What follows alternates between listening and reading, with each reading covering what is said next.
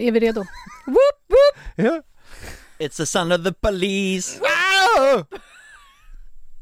Sjunger du just KRS-One? Det brukade vi alltid göra innan vi spelade in OMG. Körde. KRS-One? Kommer du inte ihåg det? Jo. Ja. Hörni, det rullar. Vi kör.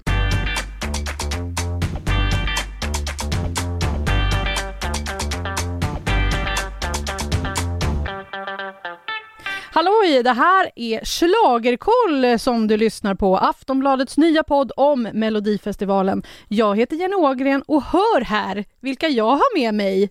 Tobbe Ek!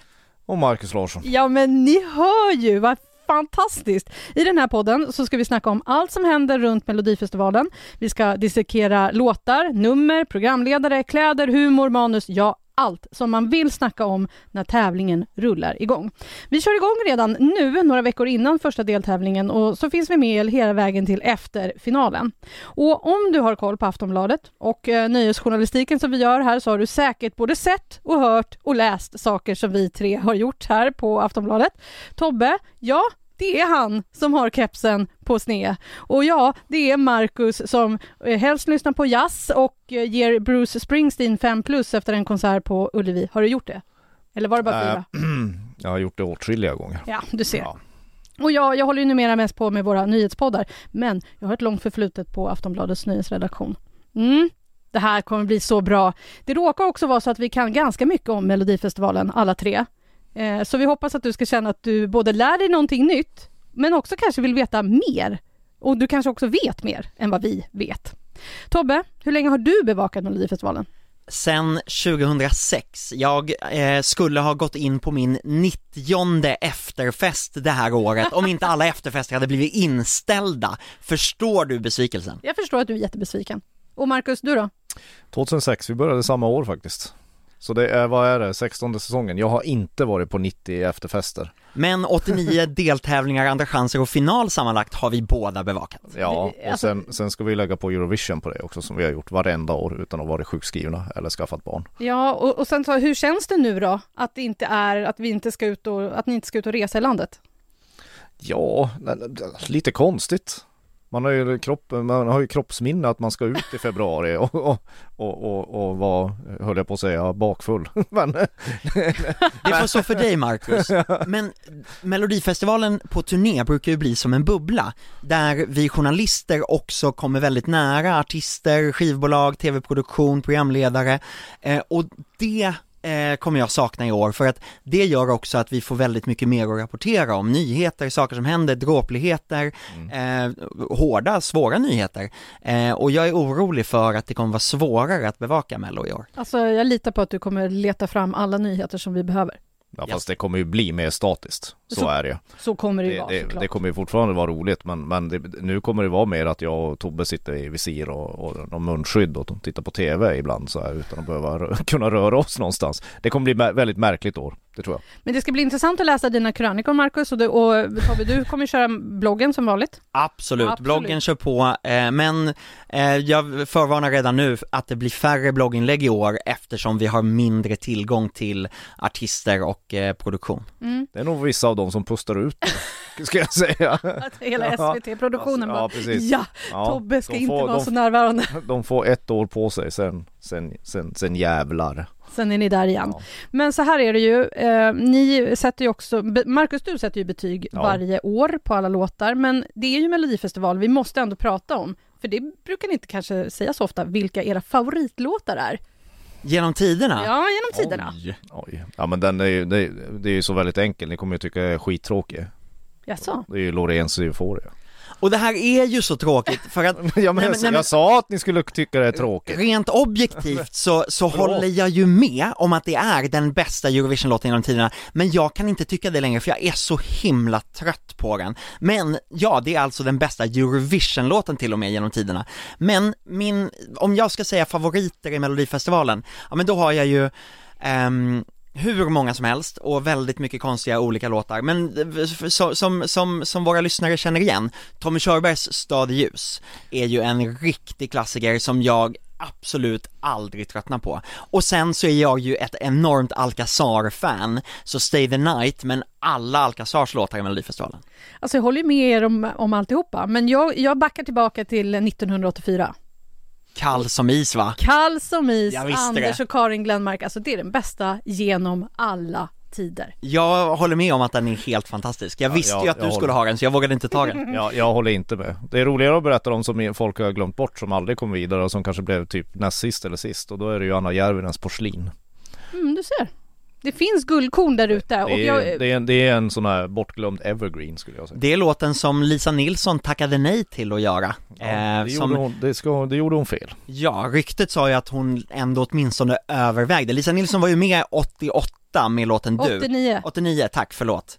Gud, vad dålig jag Det är. var ju när Globen ja, invigdes. så var det. Eh, Jaha. Men sen har hon ju undvikit Melodifestivalen, men just eh, Porslin var en sån som jag vet att hon, hon lyssnade på och det fanns ändå ett mikroskopiskt litet intresse att kanske Håkan, Men- Hell, Håkan Hellström testar den också. Inte till Melodifestivalen men till sina, till sina egna skivor. Det hade Men- vi i och för men sig älskat. Ja. Att Håkan var med där. Men jag har en ny... Det är en rubrik, Ja. mellolåten Håkan Hellström tackade nej till ja men den är ju så gammal, sluta. Har vi skrivit om det? Ja men läs vad jag skriver någon gång.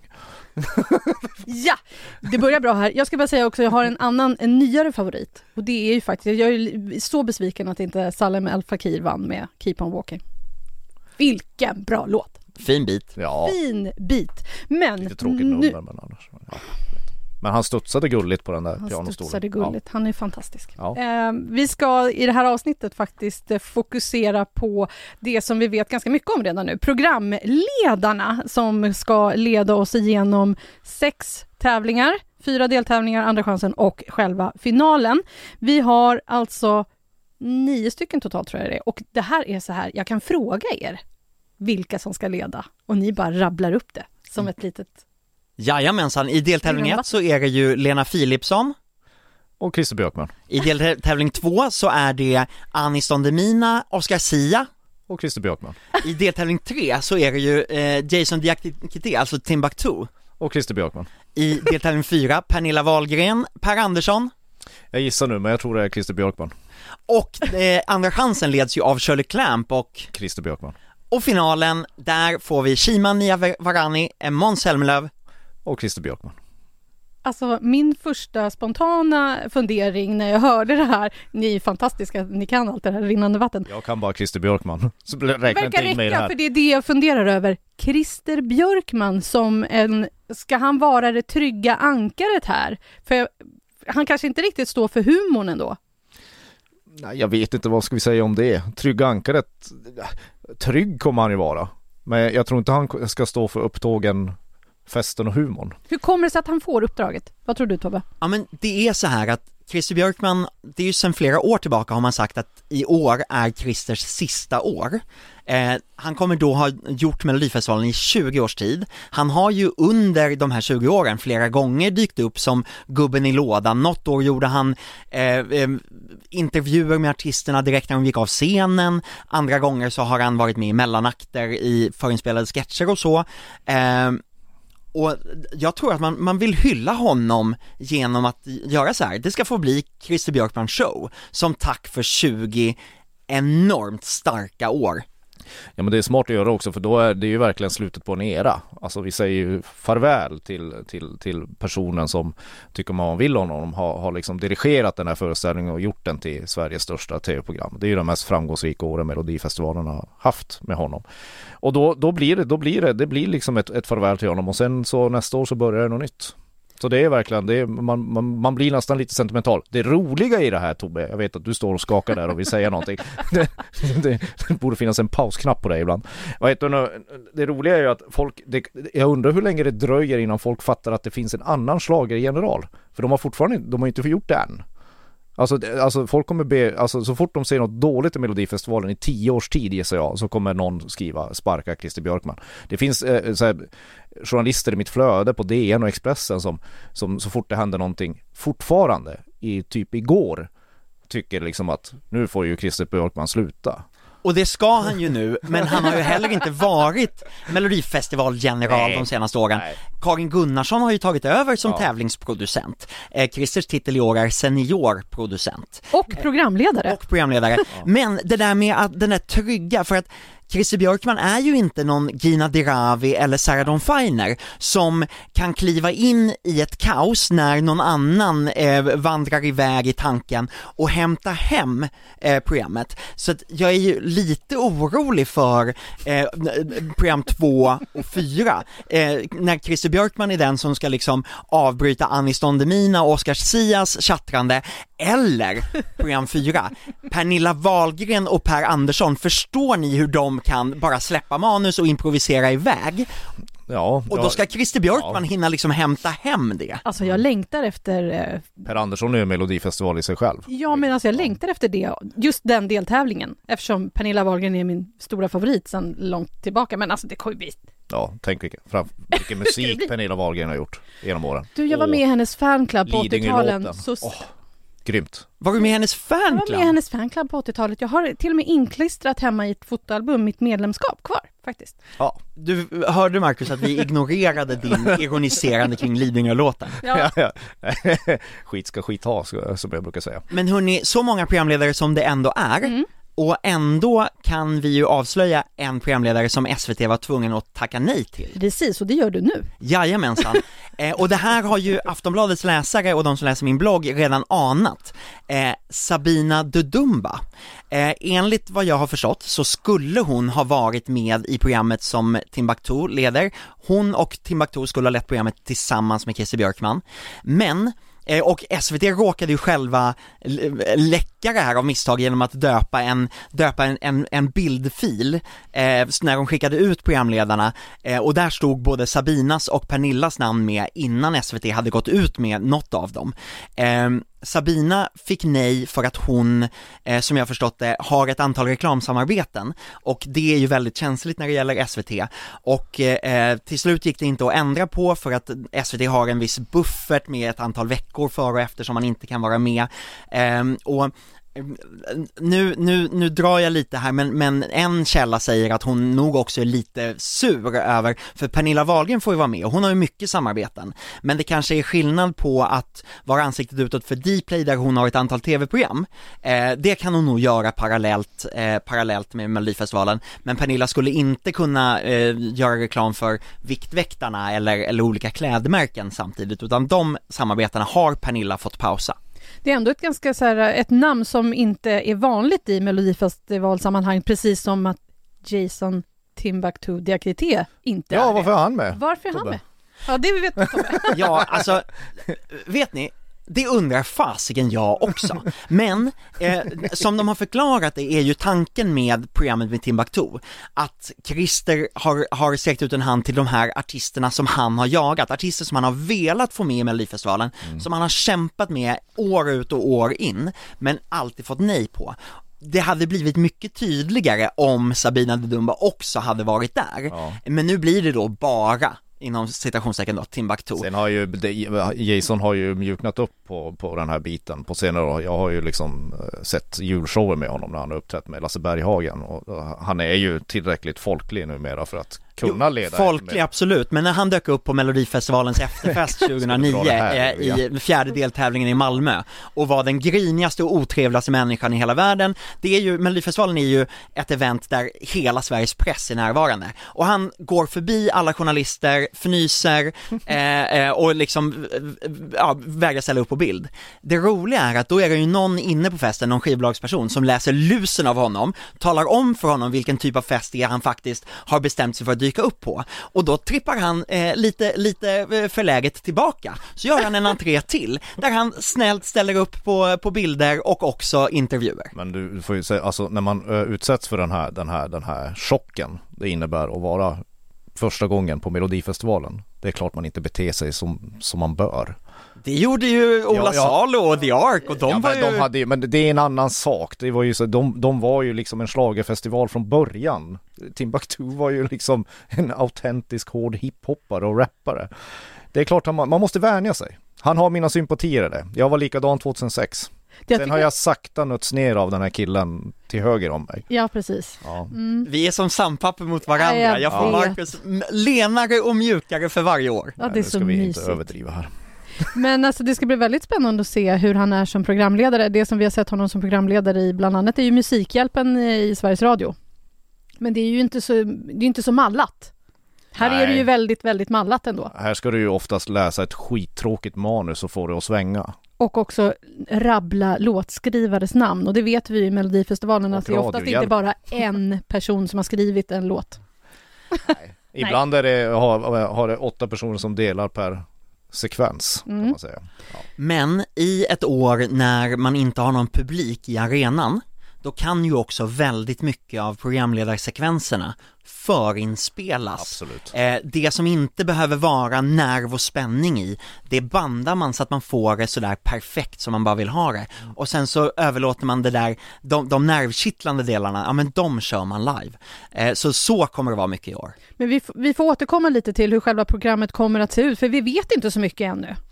Fortfarande. Nej, nej, det, det vet vi ju inte. Eh, jag tror inte tittarna kommer märka så stor skillnad, men det är nog mest vi som jobbar med det som kommer märka att det är lite mer mallat och sånt. Men det, det, de kommer säkert ju, eh, det kan ju bli en, det snyggaste tv-programmet på länge. Ja, Ja, Eftersom de inte behöver ta hänsyn till isladors begränsningar och, och de där förbannade ballonghaven. men nu kommer man inte se några skyltar. Nej. Eller ballonger eller... Eh, Mobillampor som kom, lyser. är, är det ett stort problem för dig? Nej, det är det inte. Nej, Jag försöker det. bara... De får väl göra egna. Jag kan säga att väldigt många skivbolag och artister är nog glada över att mitt i det där känsliga ögonblicket när man tar den där höga tonen, nej men då kommer inte en bildproducent klippa in ett, ett gulligt barn eller någon, någon i en lustig hatt som viftar på en skylt. Nej. Utan man kommer jag tycker kunna att det stora testet för artisterna varje år, framförallt nya artister, det är ju att stå och uppträda för pressen på torsdagar. För det måste vara det jävligaste man kan göra på hela turnén, när vi sitter där och muttrar och med, med, med, med, med så här skeptiska miner bara. Ja, kom igen då. Eh, eh, så det, det, det, det tycker jag är dumt.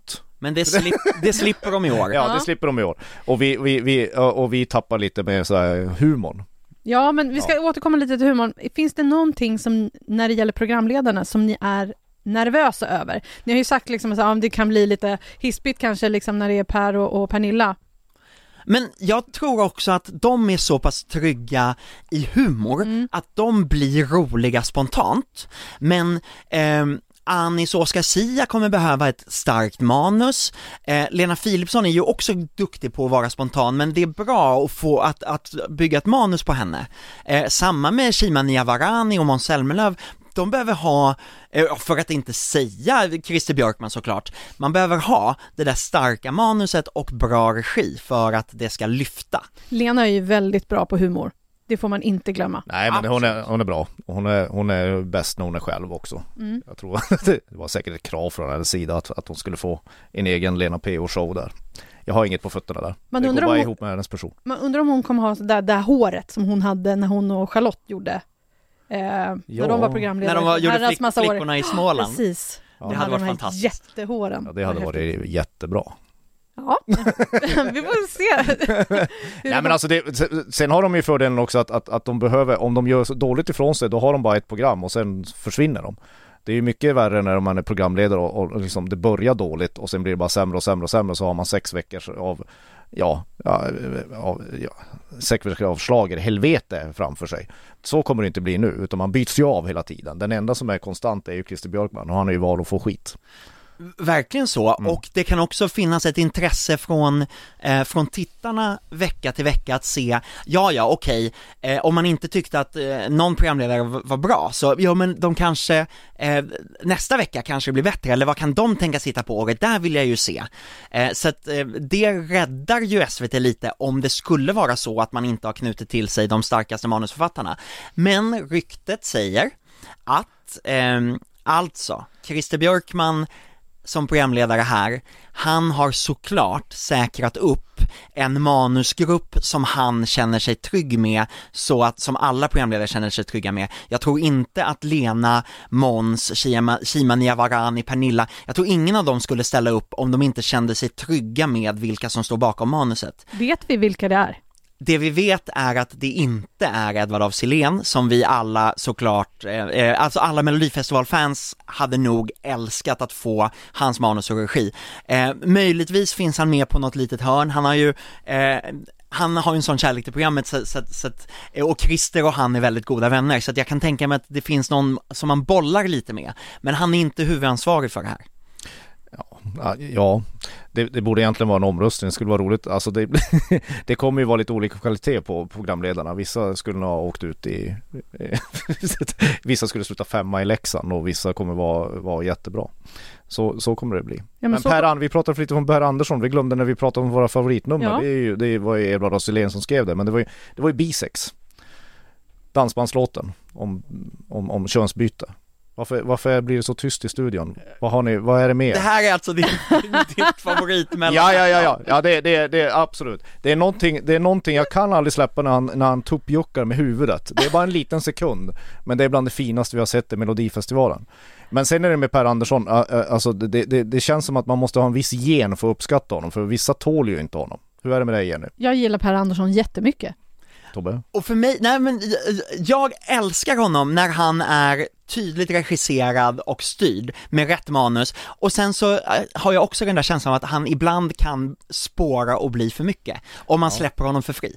Ja, jag, gillar, jag vill att han ska spåra och jag bli för mycket. Jag vill också att han ska spåra för ja. det tycker jag att vi behöver lite. Ja. För jag tänker också så här, Lite naket man... piggar ju upp. Ja, ja, men och om, om, om man tittar tillbaka lite historiskt. Vill du se Per Andersson naken Marcus, är det det du säger? Ja men det är ju åtminstone, finns en stor humor i sådana nakna män. Kan ja, vi, det, ja. ja. Kanske vi kan vi få en, en nakenspringare i alla fall? Tänk dig Per Anderssons nakenchock. vi måste komma på ett nytt ord, Han råkar vara Ankeborg på Annexet. Ja. Ja, underbart. Vilken dröm det skulle Vilken vara. Vilken veke. Okej, okay, nu spårade det här. Så här, jag skulle säga så här, vi ska, om man tittar rent historiskt, eh, om man tittar lite på programledare som har lett de senaste åren, så var det ju så att eh, Vissa får mer kritik, vissa får massa ros och beröm och jag vet att ni har era favoriter. Mm. Absolut. Ja, vem, vem ska börja? Tob låt Tobbe börja. Tobbe får börja. Jag tycker att Petra Mede är outstanding tillsammans med Gina Dirawi eh, alla gånger som Gina Dirawi har programlett, tre gånger har hon gjort det, eh, så har ju hon också lyst så otroligt. Mm. Ja, Gina Dirawi är ju den det, det, det är ju den stora, stora eh, av de unga programledarna. Det, det, då, hon gjorde ju någonting som ingen annan har gjort för det där programmet. Hon var ett fantastiskt bollplank mot just Edvard Siléns manus. Hon var kvick och hon kunde improvisera och sånt. Och man, man fattar inte var det här naturbarnet kom ifrån. Eh, Peter Mede håller jag med om också. Framförallt när, han, när, när, när Måns Zelmerlöw var sidekick åt henne. Hon var fantastisk i, i Eurovision och hon ledde det själv. Och det kan hon göra, men, men 2016 då, då var hon i sitt esse. Men hon är nästan bättre på Eurovision. Jag, jag håller faktiskt med. Ja, det, äh... alltså hon, hon, är, hon har den eh, ståtligheten och den humorn. Alltså hon ska leda de här största grejerna. Liksom. Sen tycker jag inte vi ska glömma Christian Lok heller. Nej, han, han, det var det jag skulle han var, säga. Han, han, var, han, han, han gjorde ju ändå liksom, oavsett vad man tyckte och tänkte om honom så gjorde han ju festivalen lite mer kreddig. Alltså när, när festivalen försökte bygga en eh, ja, inte cred, jo men cred för att, för att få, få loss eh, namn som The Ark till exempel och sånt. Det, det var ju så på slutet av 2000-talet. Och då klev ju han in och hans eh, entré där med romerska krigare och, och, hästar och allt vad, vad fan de hade på scenen, vagnar. Eh, satte ju en viss standard som, som, inte, som inte SVT riktigt har varit i närheten av. Sen, det är lite som Loreens powernummer liksom. Ja, jag vet, det var, det var magiska år. Han, han eh, ledde ju Melodifestivalen två år i rad då. Exakt.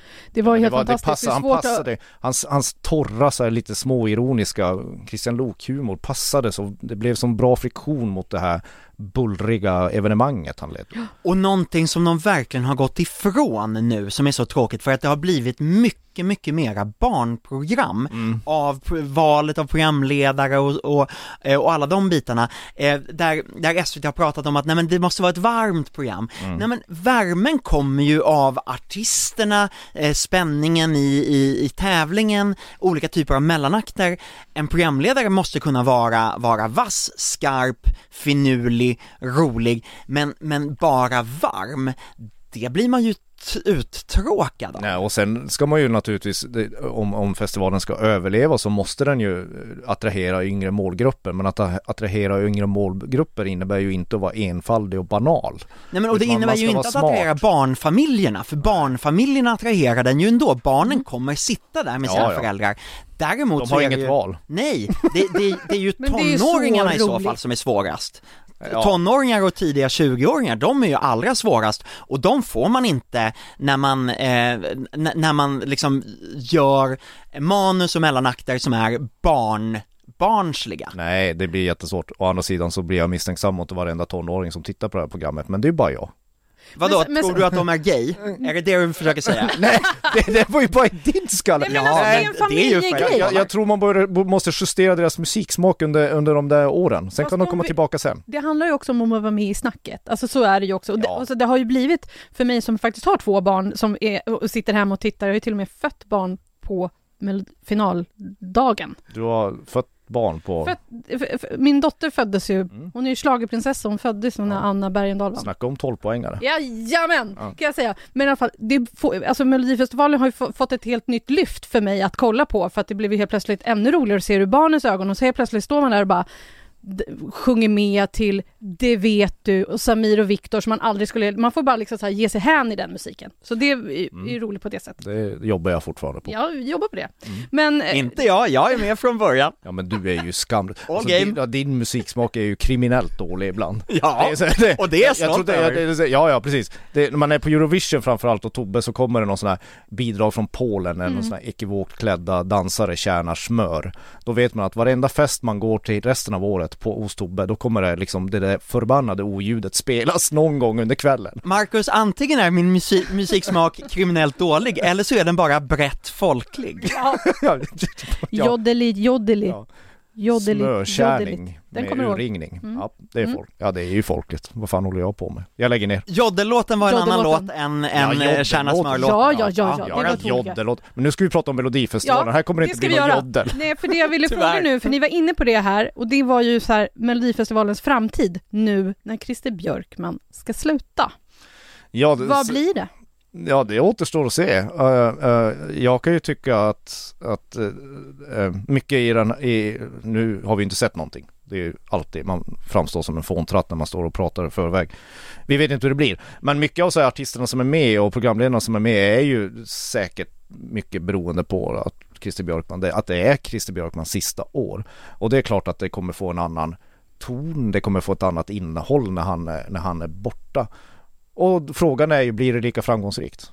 Och sen kan ju jag tycka att ja, men någon gång måste man ju skära med, med här, den här traditionen som, som ju Christer har bevarat och utvecklat lite för år per år eh, under 2000-talet. Eftersom annars an, an, den här tävlingen riskerar ju alltid att bli för mossig. Alltså, och för irrelevant jämfört med resten av popmusiken. Och alltså, Jag säger inte att den är det, absolut inte, men den riskerar alltid att bli det. och nu är ju ett sånt gyllene tillfälle att förändra hela tävlingen. Mm. Men jag är orolig för att SVT är för ängsliga.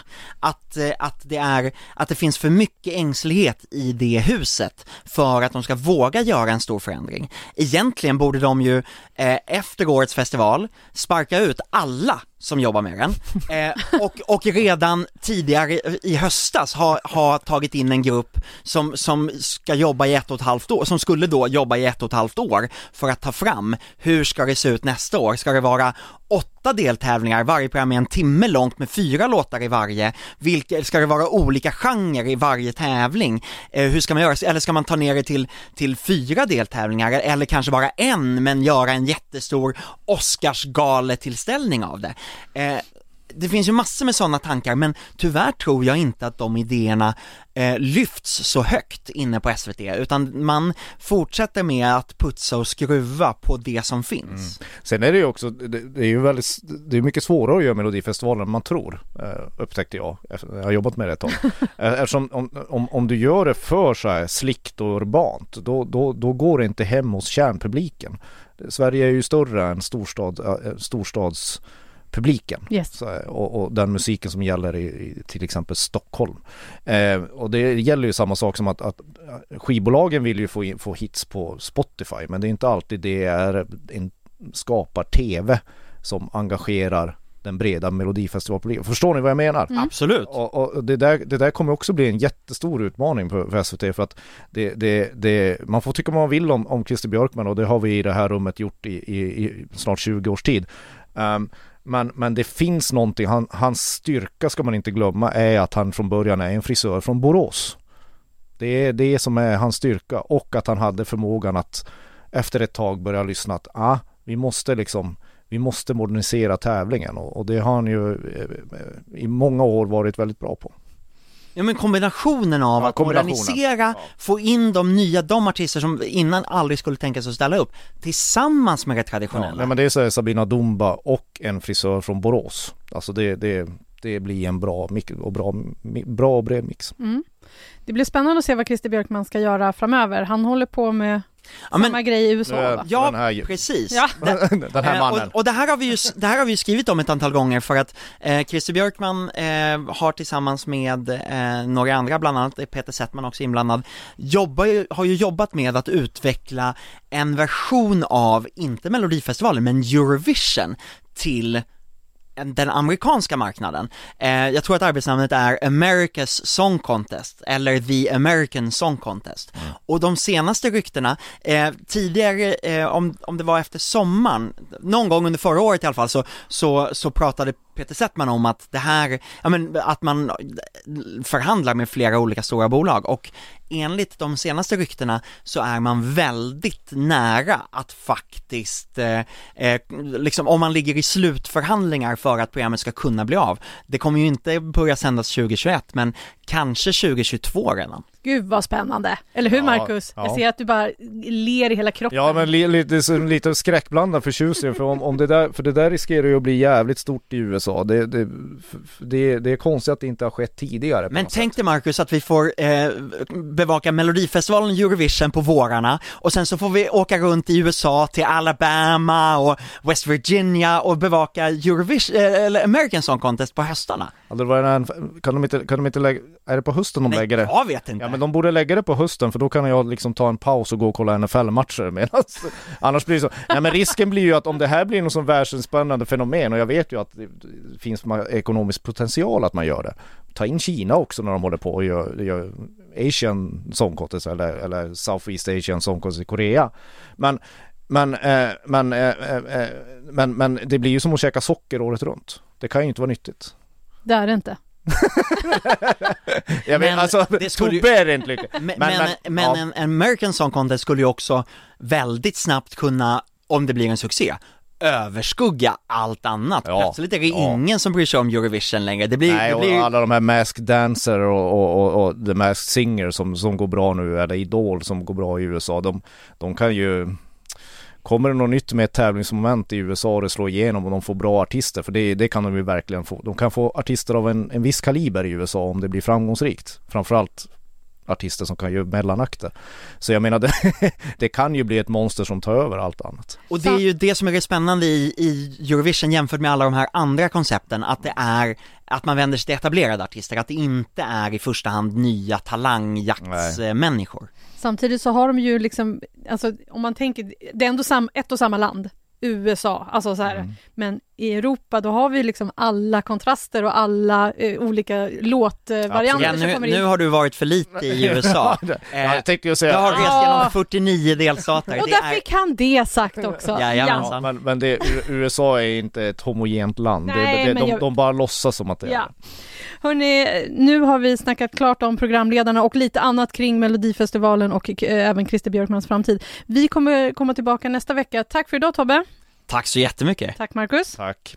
Eh, nästa vecka då ska vi ta och snacka om startfältet i årets Melodifestival. Och vi hoppas att du vill fortsätta lyssna på oss. Vi finns såklart där du hittar poddar. Följ oss gärna så missar du inte nästa avsnitt av Schlagerkoll.